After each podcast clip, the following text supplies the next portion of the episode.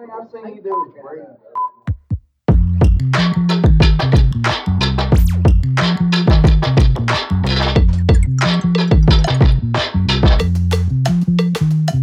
De staat van het verhaal.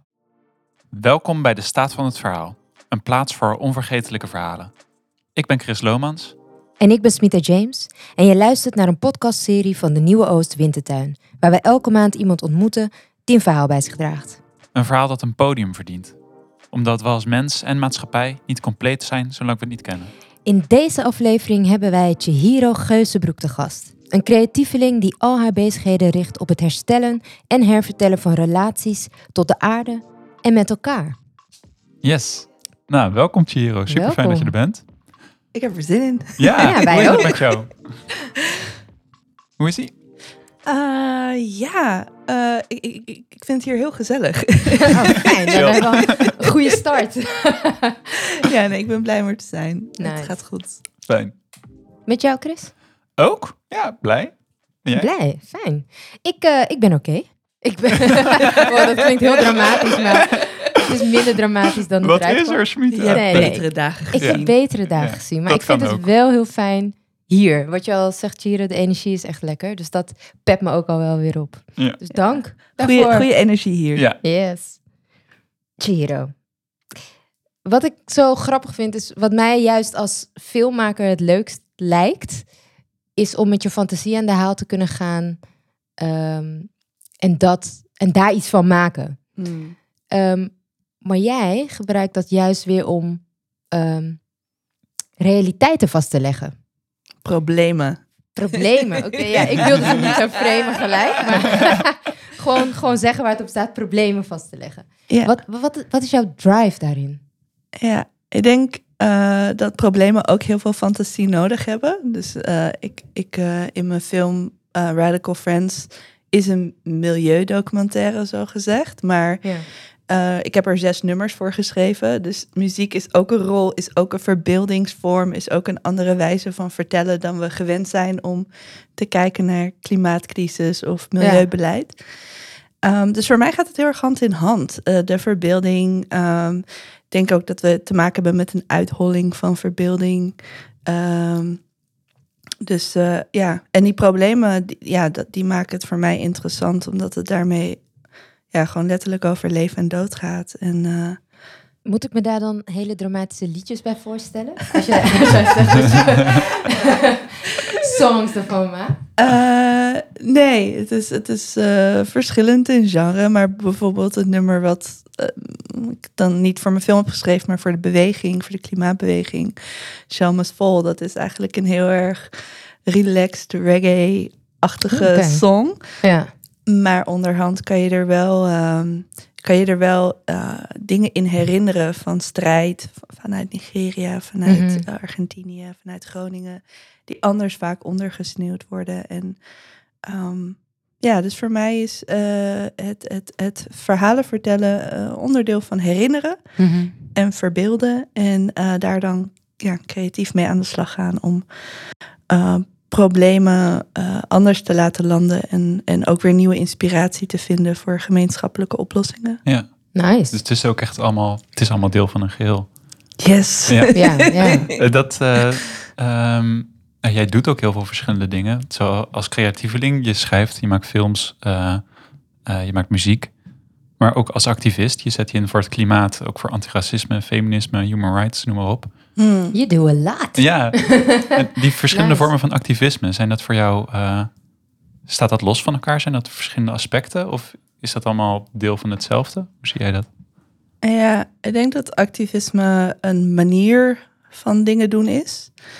Dus aan de ene kant eh, kan je jezelf de vraag stellen van... Are you, ben, je, ben je meer eh, van het conformeren of het activeren? Eh, dat is al een reframe op activisme. Want Ja. vaak wordt de activisme alleen maar als een schreeuwer neergezet. Maar Ja, ja, je, je hebt een visie, dus je activeert. En doe je dat alleen eh, voor jezelf of doe je het voor het gemeenschappelijke goed? Mhm. Dat is dan weer het verschil tussen een ondernemer of een activist. Ja.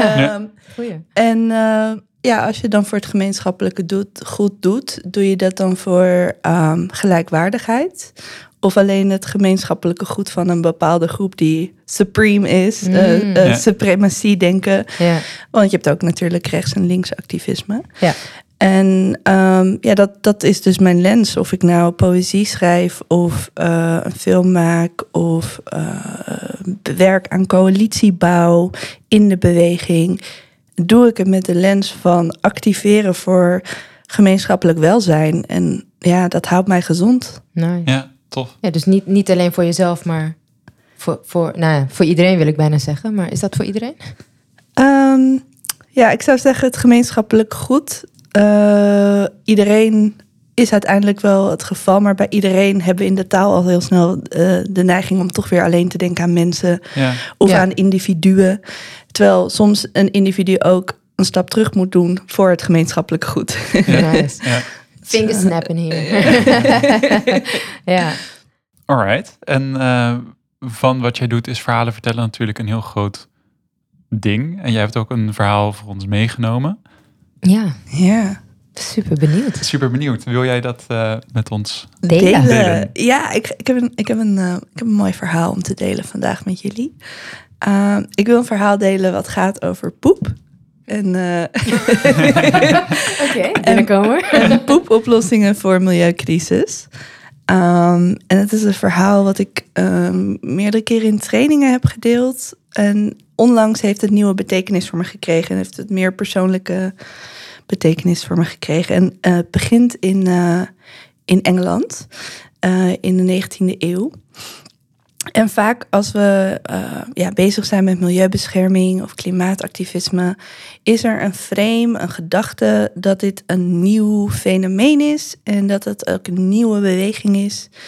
En mensen met uh, heel veel geheugen die herinneren zich dan misschien zelfs nog de zestiger jaren van de 20e eeuw.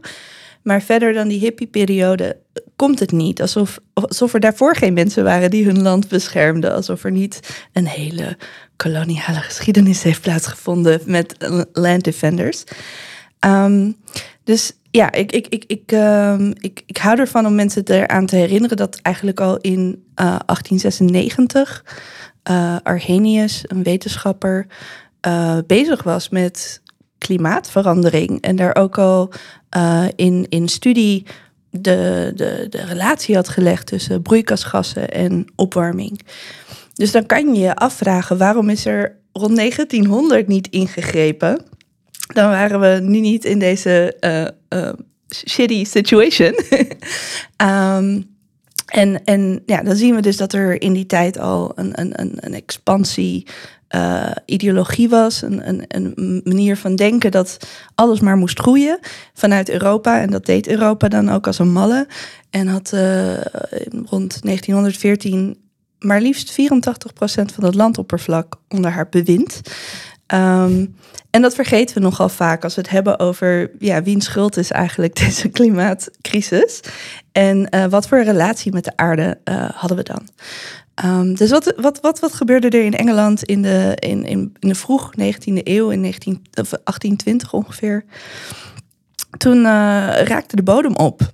Dus bodemuitputting. Het is ook een probleem van vandaag de dag. Um, maar dat is nou ja, een symptoom van dat je eigenlijk dus niet een goede relatie hebt met de aarde, want je neemt meer dan je teruggeeft. Die cirkel is doorbroken. En in plaats van terug te schakelen, in plaats van te luisteren naar die grond en van hé, hey, wat moet ik doen? Um, werd de, de, de, de praktijken van, van expansie, de praktijken van uitbuiting eigenlijk alleen maar opgeschaald. Uh, eerst uh, gingen boeren over naar het roven van graven uh, voor beenderen. Dus uh, ja, de, de massagraven van Austerlitz en Waterloo werden opgegraven. Beenderen werden vermaald en uh, pakket over het land. En dat nou ja, was niet genoeg. Dus wat deden ze? ze gingen uit een ander vaatje tappen en ze gingen naar de kust van Peru. Dus even naar de hele andere kant van de wereld, uh, waar de bodem buitengewoon vruchtbaar was. Want daar werd heel veel gepoept door uh, zeevogels. en dat had geleid tot hele ja, ophopingen van poep. En eh, daar ontstond een markt in. Dus hun oplossing was, nou ja, dit land is niet zo belangrijk. Ons land is wel heel erg belangrijk. Dus we, we graven gewoon meters aan, aan land uit. En dan moet je denken dat dit niet zomaar een kleine hobby was van een paar gekke kapitalisten. Maar in, in, in, in de dertiger jaren kwam de eerste lading naar Engeland, naar Liverpool. En een paar jaar later was uh, in, in 19, of 1841 was het al 1700 ton poep uh, wat verscheept werd. Wow. En uh, in 1847 was dat maar liefst 220.000 ton. um, dus we hebben het hier echt over een, een, een grote markt. En dat heeft tot hele bodemverzakkingen van meters geleid. En um, ja, vaak, vaak vertel ik dit verhaal aan mensen om te laten zien van er is niets nieuws onder de zon. Alleen de, de opschaling van verval van dat hele ecologische web aan leven is nu gewoon nog meer geëscaleerd. En we kunnen niet blijven pluggen, want we kunnen niet verder, verder weg. er is niet meer een andere kant van de wereld om nog verder uh, uh, het, uh, het op te vullen. En laatst vertelde ik dit verhaal aan een vriend van me. En die is van Chileense afkomst. En die was geen zins verrast. Die, zei, die keek maar van, ja, ja, dat weet ik. Ja, de, de, de Pacific uh, en de Chincha-oorlogen. Dat op die manier is... ja, op die manier is Bolivia zijn, zijn kust kwijtgeraakt. Want er is oorlog gevoerd door nou ja, verschillende landen die allemaal wel hun slaatje wilden slaan in, in vogelpoep. Um, en ja, zodoende, ik ben half Boliviaans, half Nederlands. Mijn, mijn vader is uh, Boliviaans Quechua. Dat is een van de inheemse uh, volken daar.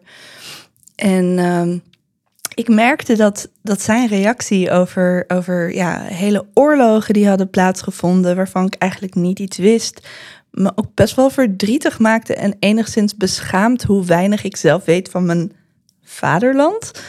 Omdat mijn moederland, Nederland, uh, eigenlijk veronderstelt dat er niks wetenswaardig is gebeurd. Of dat er niks in de geschiedenis is om te herinneren. En uh, nou ja, ik ging dat opzoeken uh, om wat, ja, wat meer daarover te leren. En um, ja, zo, zodoende maakt mijn angle van, van kijken naar geschiedenissen van milieuontwrichting. Uh, wat klinkt als iets heel erg groots, als iets globaals, iets ver weg van je bed, maakt het eigenlijk heel persoonlijk. Want voor mij persoonlijk gaat het om uh, de manier waarop uh, maatschappijen eigenlijk geen samenlevingen zijn. maatschappijen eigenlijk heel erg verdeeld zijn door constant grenzen op te trekken en met die grenzen te zeggen wat er aan de andere kant van de grens gebeurt. Um, dat doet er niet toe. Het leven wat er is, doet er niet toe. Het, het is een opofferzone. Um, het is een, een, een, een plek waar geen milieuwetten gelden. En we kunnen het kapen, we kunnen het roven en daarna kunnen we het ook weer vergeten. En doen alsof er niks is gebeurd. En alles wat er ja, dan hier tot koopbaar is gemaakt, is, is, is groei. Maar wat er aan de andere kant van de wereld krimpt, um, raakt in de vergetelheid. Um, dus ja. Ja, dus, dus ja, ik zie, ik zie dat die, um, die crisis, die milieucrisis, waar je ja, vaak een beetje op een uh, paternalistische manier om de oren mee wordt geslagen. Van uh, je moet iets goeds doen voor, voor het klimaat. Hoe, bedoel je iets goeds te doen voor het klimaat? Het klimaat is niet een persoon, het klimaat heeft het niet gedaan. Het gaat om, om, om een samenleving die oogst wat het heeft gezaaid, namelijk uh, een en al roofbouw. En ja, na roofbouw komt verval. En nu zitten we in verval. Um, dus um, ja, aan het begin van het verhaal zei ik, dit verhaal gaat over poepoplossingen voor milieuproblemen. Het is in die zin ook echt een, een kapitalistisch sprookje want we zien op dit moment ook elke keer dat het, het, de oplossing die voor uh, klimaatcrisis wordt uh, aangereikt door, door politiek, vaak gewoon weer nieuwe opofferzones uh, um, creëert. En um, ja, dus eigenlijk de pijn verlegt in plaats van hem oplost. Ehm, en ja, nog een persoonlijke noot voor mezelf dan dat. eh, ja, hoe klimaatrechtvaardigheid activisme is verwikkeld. Voor mij is dat het ook een proces is van mijn eigen historische bestaanscrisis. Dat ik dus eigenlijk als inheems persoon niet besta. En eh, voor mij herinnering sowieso nodig is om te kunnen bestaan. Dus voor mij gaat het niet over het redden van de toekomst, maar eigenlijk voor een herstel van het verleden wat doorleeft in het heden. Ja. Ehm, en ja, ik denk dat dat het nodig is voor de diagnose van, van hoe we überhaupt gaan bezig zijn met problemen oplossen. Ja. Eh, en hoe we dat eh, doen. En, en ik wilde het vandaag met jullie delen, eh, omdat ik, ja, dus aan de ene kant dat persoonlijke van ik besta, aan de andere kant van die grens. en en wat, wat is die grens? En Die, die, die gekke lijnen. Het feit dat, ja, waar, waar de omleiding van Bolivia nu ligt, eh, het Quechua-volk begeeft zich aan alle, allemaal andere kanten van die grens ook. In, in Peru, in Mm. Ecuador, in, in Chili. Dus die grenzen die gelden eigenlijk niet voor ons. Die zijn niet natuurlijk. En die grenzen zijn eigenlijk nog steeds bloedend. Het zijn nog steeds wonden, open wonden. En eh, ja, dus over die grensoverschrijdende standaarden eh, die in onze maatschappijen heersen, ehm, leveren ja, eh, verdeeldheid op in plaats van samenlevingen. En eh, daar wil ik het met jullie over hebben. Ja. Wauw, ik, ik eh, ben helemaal mesmerized dat, dat we het eigenlijk hebben inderdaad over zoiets simpels als poep. Maar wat voor effect dat dus heeft gehad. Of nog steeds heeft, in a way. Want we blijven maar verleggen, zeg je al. Crazy, Ja. wist je dat, Chris? Nee, ik vind het ook zo pijnlijk inderdaad wat je ook vertelt, dat, het, dat niemand het weet. Ja, Mm. zo thanks voor, voor het verhaal. Ja, super je bedankt. zegt het is eh, voor jou ook... eh, of heeft het geleid tot een persoonlijk verhaal? Mm. Ehm, maar dit gaat ook mij aan en dit gaat ook Chris aan. Ja. en, en de luisteraars. Je vertelt dat Engeland het voortouw nam in deze, ehm, in deze poeproof. Amerika volgde. Welk eff- effect had dit op Nederland? Gingen wij meedoen of, of hadden wij weer een ander eh, roofidee? Ja. ja, ik weet niet hoe Nederland zich heeft verhouden in, in, in de guano-poep. Eh, ik weet wel dat er ook eh, in de kust van Curaçao, en het heet dan Klein Curaçao, ook is geroofd. ja. Dus ik kan me voorstellen dat Nederland daar ook zijn aandeel aan heeft gehad, maar dat weet ik niet. Hoe ik Nederland ben tegengekomen in de geschiedenis met Bolivia is in een boek van Eduardo Galeano, eh, Mhm. Open Aderen van Latijns-Amerika. En dat gaat dan over de mijnbouw in Potosí. Ah, En eh er werd zilver ge- gehaald. En er zijn 6 miljoen mensen vermoord. Zo, Ehm, Jeetje. kom man. Ja, voetnoot. Maar echt. Ja, Ehm, en ja, daar, want vaak denken mensen bij Zuid-Amerika van ja, dat is eh, Spanje. Hè? Spanje heeft het gedaan en Mhm. Spanje was inderdaad de colonizer. Maar zoals Eduardo Galeano daar ook over schrijft, is van ja, Spanje was, had, de, had de melkkoe, Mhm. maar eh, eh, Nederland die wist het goed uit te melken. Ah, Ja. Ehm, en, en meerdere landen wisten eigenlijk, en vooral Nederland dus met de schepen. Dus als je die handelsroutes hebt, handel tussen haakjes. Ja.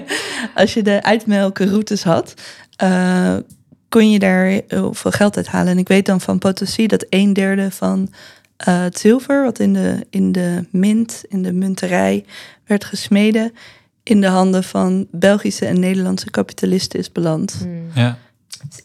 Maar hierin hoor je dus ook al dat het gewoon verweven zit. Hè? Ik bedoel, zo belangrijk is het dus om Mm. verhalen te vertellen.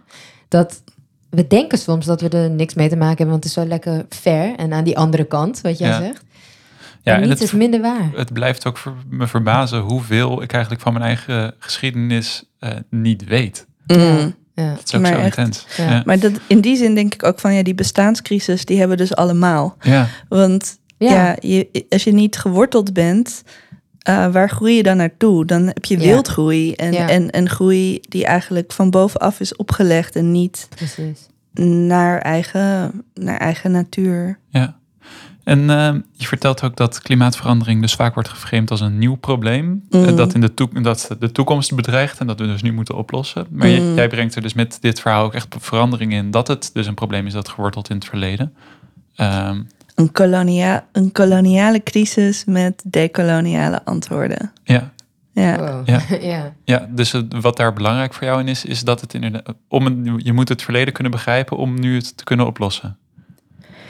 Ja, en wat ik, wat ik ook vaak gewoon heb gemerkt, is dat mensen wel eh, kunnen zeggen: ja, kapitalisme is slecht en kapitalisme is het probleem. Maar niet het element van kolonialisme, waar eigenlijk eh, kapitalisme weer afhankelijk van is. Want de, het motto van kapitalisme is groei. Ja, Maar ja, hoe wil je groeien zonder kolonialisme? Hoe wil je groeien zonder eh, meer toe te eigenen dan wat op je eigen gebied bestaat? ja. En zo kennen zij dat. Want kan, kan je ook op een... Is er een positieve manier voor kapitalisme? Zeg ik heel blunt. Jij gelijk Want lachen. Ik, ik- ja, ik, ik ken het alleen maar in die context, wat Ja. jij al zegt. Dus dat het zich verhoudt tot kolonialisme, toch? Ehm, Of, of mag ik dat niet zo stellen? Om, om, om de vraag, is er een benevolent capitalism? Ik denk nee. Mhm. Ehm, ik denk dat de, het, het hele verhaal van groei gebaseerd is op het ontkennen van wat er krimpt. Ja, ja. Want de eerste, eerste wet van, van energie, eh, van scheikunde of zo, van behoud Oh van energie, Scheikunde. is eh, er komt geen energie, eh, eh, er, er is geen energie weg en er komt geen energie bij. Het wordt alleen Oh, omgezet. Ja. ja. Dus en als- verplaatst. Ja, dus als Ja. er iets groeit, dan krimpt iets anders. Dat is gewoon de Ja. wet van behoud van energie. Ja. Ja, en, en, en hetzelfde eigenlijk in onze. Ja, het, het feit alleen al dat we hebben over economie en ecologie die losgekoppeld is. Terwijl de hele economie gebaseerd is op het web van de natuur. Zeg maar, je kan niet iets Ja. ontwikkelen zonder dat web van leven. Ehm, ja, dus dat. Ik vraag me dan, hoe kan het dat we dan... Dat, dat je dat gewoon maar kan vergeten? Dan is de focus dus verkeerd, toch? Ja, Ja, die het, focus zit op groei. Eh, Maar het vergeten is het web van verhalen. Wat we eh, van kinds af aan eh, met de paplepel ingegoten worden. Ja. Dus eh, er zit wel echt een heel erg. eh, ehm, om stil te staan bij hoeveel we vergeten, moet je stilstaan bij eh, hoeveel verhalen leugens zijn. Ja. Scary wordt dit allemaal. Ja. Ja, nee, vind ik wel. Gezellig hebben wij. Dat wel. Met een hele fijne energie Ja. praten over. Ik leer heel veel, gewoon al. Ja, Maar, ehm, dus het, het, het- daaruit haal ik wel dus dat het niet... ehm, het is dus belangrijk om het niet te zien als een nieuw probleem. Maar dat we dus de juiste verhalen ehm, naar voren moeten krijgen. Ja, ehm, en, en, en de verhalen zijn een stepping stone, is, is, een stap volgens mij. Want alleen met eh, eh, betere verhalen, met meer bewustzijn, betekent niet dat we ook meteen beter handelen. Bijvoorbeeld met de bodemuitputting. Ja, groeide bewustzijn heel snel als je niet kan eten, als de bodem niet meer eten oplevert. Ja. Leer je heel snel, ben je heel snel bewust van een probleem. Maar het betekent niet meteen dat de machtsverhoudingen zijn verschoven. Ehm, en daardoor levert er dus poepoplossingen op. Ja. ja. ja. ja, want je zegt ook inderdaad dat het eh, je bewustzijn van het probleem levert niet automatisch een oplossing op. Mm, Wat is er dan wel voor nodig om een oplossing te vinden? ja, eh, machtsverschuiving. ja, dus in die zin is het niet een, is het klimaat niet een kwestie van energy transition, but power transition. En, ehm, en het, het, het, het begint met een, eh, een ander geloof dat eh, het web van leven ertoe doet in plaats van nou ja, deze groep of die groep. Ja. Dat zeg maar, je hebt heel veel, je hebt zoveel vormen van supremacy denken. Ja.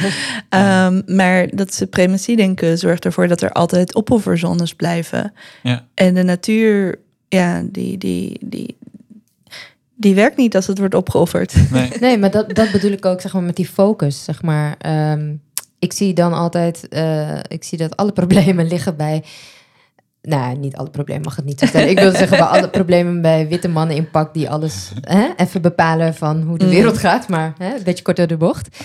Ehm, Maar wel inderdaad bij het dat, dat er bepaalde mensen eh, iets zichzelf belangrijker vinden dan dat wat er buiten ligt. Ja, ik vraag me of het, of het zichzelf is of dat hun focus dus ligt op macht en op geld maken. Ja. Dat ze zelf zichzelf vergeten. Want als je aan jezelf denkt, lijkt mij, dan kom je uit op dat je mens bent. dat je Ja. een ziel hebt. Eh, voor mij linkt dat al automatisch, maar dat ben ik. Maar Mhm. Ehm link dat voor mij aan soul, aan energy, aan, aan nature. Dat komt er voor mij al bij. Ja. Ehm, en ik ben hier opgegroeid, hè? Dus, Ja. En niet eens. Ja, ik denk dat dat. ehm, ik, had, ik had het in het verhaal ook over grens en, en, en, Mhm. en, en lijnen trekken. Ik denk dat in zoveel dingen in onze taal, in onze eh, manier van denken, zit dat eh, dualistische. Dus eh, Ja. zeg maar dat, dat, dat alleen al de manier waarop mensen praten over natuur en mens. Ja. Alsof Ah, ja. eh, in, jouw lichaam niet gewoon heel veel verschillende soorten eh, natuur voorkomt. Precies. En dat jij een veld van de natuur bent en dat jij onderdeel bent van het veld van de natuur. Want elke dag eet je om jezelf te onderhouden en je bent natuur. Ja. En dat dualistische zorgt ervoor dat we elke keer dingen kunnen verschuiven die we niet leuk vinden over die grens heen. Ehm, als de dumping ground ja, en als de extractiezone. Ja. En daarmee wordt alles heel erg ja, transactioneel en, en, en, Ja. en uitputtend. En, eh, en dat doen we natuurlijk ook met mensen. Dus eh, Ja. in die zin, ja, je je stelde aan het begin van, is zijn al die soorten verschillende activisme eh, één geheel? Ehm, ja, het gaat dus over die relaties. En, en, en als, je, als je naar kijkt naar inheemse, inheemse mensen ehm, en samenlevingen, eh, hetgeen wat wij wi- willen ontwikkelen is relatie met het land en elkaar. Dus eh, als dat hetgene is wat groeit, ehm, dan. ehm, ja, hoe moet ik het zeggen? Dan. eh, je hebt, je hebt zo'n zo'n cheesy line van. Iets over delen is vermenigvuldigen of zo. Oh ja. Ja. Eh, maar wanneer relatie eh, eh, het centrale punt is, ehm, dan. Hm, Ja, kom er- ik houdt kom er niet- spanning. Ja. ik denk, oh, wat gaat er nu komen? nu drop ik de ja, wijsheid. ja, precies. Ehm, Go girl. ja, nee, maar ik, ik zie gewoon echt letterlijk die, die, die soort van eh, circulatie in, in, in, in, die land, in het land en die, in Mhm. die rivier, in de mensen. En Juist. En, ja. en die stroom die generatief, die meer leven genereert, die Ja. meer ehm, welzijn genereert. Ehm, en daarvoor moet die mythe van, van mm, ja, eh, oneindige privatisering Ja. echt doorboord worden. Om daar dan wat tegenover te stellen, tegenover Ja. die mythe. ehm, nou, je schetst dus die relatie tot de natuur die echt gestoeld is op uitputting en uitbuiting. En het Hmm. stellen van een grens. eh, ehm, hoe, hoe ziet een kloppende verhouding met de natuur eruit? Mm, Wacht, mag ik daarvoor eerst nog even wel vragen van... kunnen we dus al stellen dat onze klimaatcrisis dus komt omdat shitty people de bodem uitputten? Of, of doen we dat allemaal? Want dat vind ik wel belangrijk. ja. Ja, ik vind het moeilijk met de doen we het allemaal vraag. Want tot op zekere hoogte eh, leven we allemaal in, in de structuur. Dus zijn we allemaal eh, m- medeplichtig aan het reproduceren. Maar het is zo disproportioneel dat wie, wie besluiten maakt. Dus dan ga je toch weer terug naar de macht. Dat je honderd bedrijven hebt die eh, de meeste uitstoot van de wereld he- hebben ehm, gecreëerd. En dat die ook nog eens vaak begeven in een handjevol landen. Hmm. Ehm, ja, concentreert eh, de verantwoordelijkheid daarvoor wel heel snel. Ja. Ehm, dus shitty people, definitely. Ja. Maar ik denk dat, dat het, eh, het genereren van eh, goede relaties iets is wat we niet op moeten wachten om eh, van een handje vol te komen. Dat moet echt van, van onder, onderop komen. En vanuit gemeenschap. En, ehm, en het, het, ja, het, het, het, het werk wat ik doe is vooral eh, hetgeen wat onzichtbaar is, maar wel bestaat, eh, zichtbaar maken en daarmee prikkelen. En een, voorbeeld daarvan is dus, eh, ehm, als je kijkt naar de, de wildfires Mhm. en de, de, de grote branden in Australië en Californië. is ook een heel groot milieuprobleem. Zorgt ook weer voor heel veel Ja. uitstoot en heel veel gaat natuurlijk op in de vlammen. Ja. Ehm, maar op de gebieden waar inheemse mensen nog steeds hun, hun beoefening uitvoeren voor stewardship eh, van het land, eh, hebben ze allemaal manieren om met slow burning te zorgen dat grondstoffen ook weer. Dat, dat de, de cyclus van stoffen zo circuleert dat er, dat er niet grote branden plaatsvinden. Want wat houdt dat dan in, slow burning? Ehm, het is eh, vuur ehm, dicht bij het grond. Ik, ik, ja, ik, ik, ik ben een stadskind, hè. Ik moet mij er niet vragen hoe het allemaal werkt. Ik heb kom uit hele- dus ik zou het dan iets meer moeten weten. Het, eh, er zijn ook hele podcastseries over, over de slow burn. En de, de good burn heet het volgens mij. Ehm, maar wat het inhoudt is dat je eh, ja, dingen eigenlijk niet escaleert, maar luistert eh, contextueel dicht bij de grond waar je begeeft, wat het nodig heeft en daarnaar handelt. En heel lang zijn die eh, beoefeningen zijn gewoon door de wet illegaal gemaakt. Je mocht, mensen mochten dat niet meer doen, want dat was maar heidens, dat was Oh. eh, eh, van, van de mindere, wildere mensen. Ehm, Die dus wisten wat ze deden. Ja, maar je ziet dus nu dat heel vaak de wetenschap dat gaat valideren. Van Mm. ze hebben ontdekt dat andere mensen het al langer hadden Ja. ontdekt. Ja, ja, ja, precies. Ehm, en, en dat zie je nu wel steeds meer gebeuren in het veld. Dat heet dan Traditional Ecological Knowledge, TEC. Dus eh, eh, dat is een beetje het tegenovergestelde van de, de techno-fixes. En van de grote tech is de, de low-tech. eh, die die ja, komt van eh, traditioneel ecologische kennis. En, eh, en, ik, en ik denk dus dat we niet naar een grote oplossing moeten gaan, maar naar heel veel kleine oplossingjes. die echt En- dus ook de, die relatie dus opnieuw uitvinden. Ja, en wat weet ik over het landschap in Californië? Weet je, ik, ik, moet, ik moet me leren Nog- te verhouden. Ja. Ja. hier in, in, in, in Amsterdam en de Amsterdamse haven en weet ik veel wat hier allemaal is. Maar daar, daar is de structuur niet echt naar. Dus het is, je moet best wel leren en afleren tegen de stroom in. Ja, ja. ja. Ik, als ik hier naar luister, dan word ik tegelijk, ja, tegelijkertijd word, voel ik me heel geïnspireerd. En ik vind het allemaal heel verdrietig en pijnlijk. En die twee dingen staan ook naast elkaar. Ja, ja ik eh, kan daar eh, wel aan delen. Ergens heb ik ook eh, dat het me niet verbaast. Omdat er nou ja, heel veel gebieden zijn waarvan ik denk... ja, er wordt van alles gedaan en niks met de focus op welzijn voor mens, dier, Mm. flora, fauna. Eh, maar ja, jouw verhaal, dat poepverhaal ga ik nooit meer vergeten. Nee. Dus dank je wel Ja, super voor dit verhaal, voor dit gesprek. En eh, nog heel even inhakend op eh, aan de ene kant verdrietig, aan de andere kant inspirerend. Wat mij heel erg inspireert, is dat we er nog steeds zijn. Ja.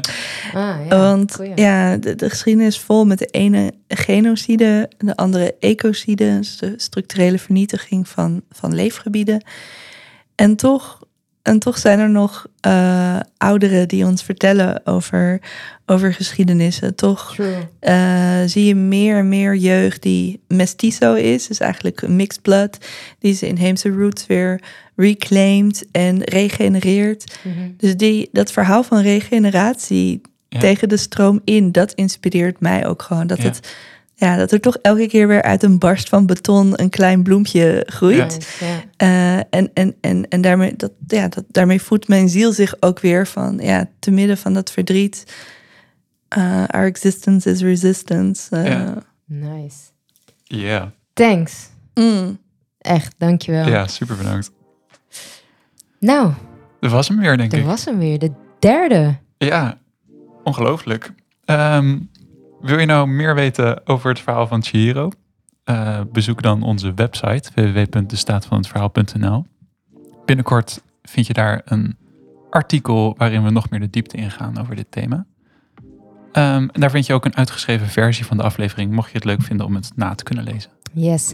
En draag jij zelf ook een verhaal bij je waarvan je vindt dat meer mensen het zouden moeten kennen? Stuur het dan in op www.destaatvanhetverhaal.nl. En wie weet zitten we volgende maand hier met jou aan tafel. Yes. Dank jullie wel nogmaals. Ja, dank Chiro. En dank voor het luisteren, Yes. jullie luisteraars. Tot de volgende. De staat van het verhaal.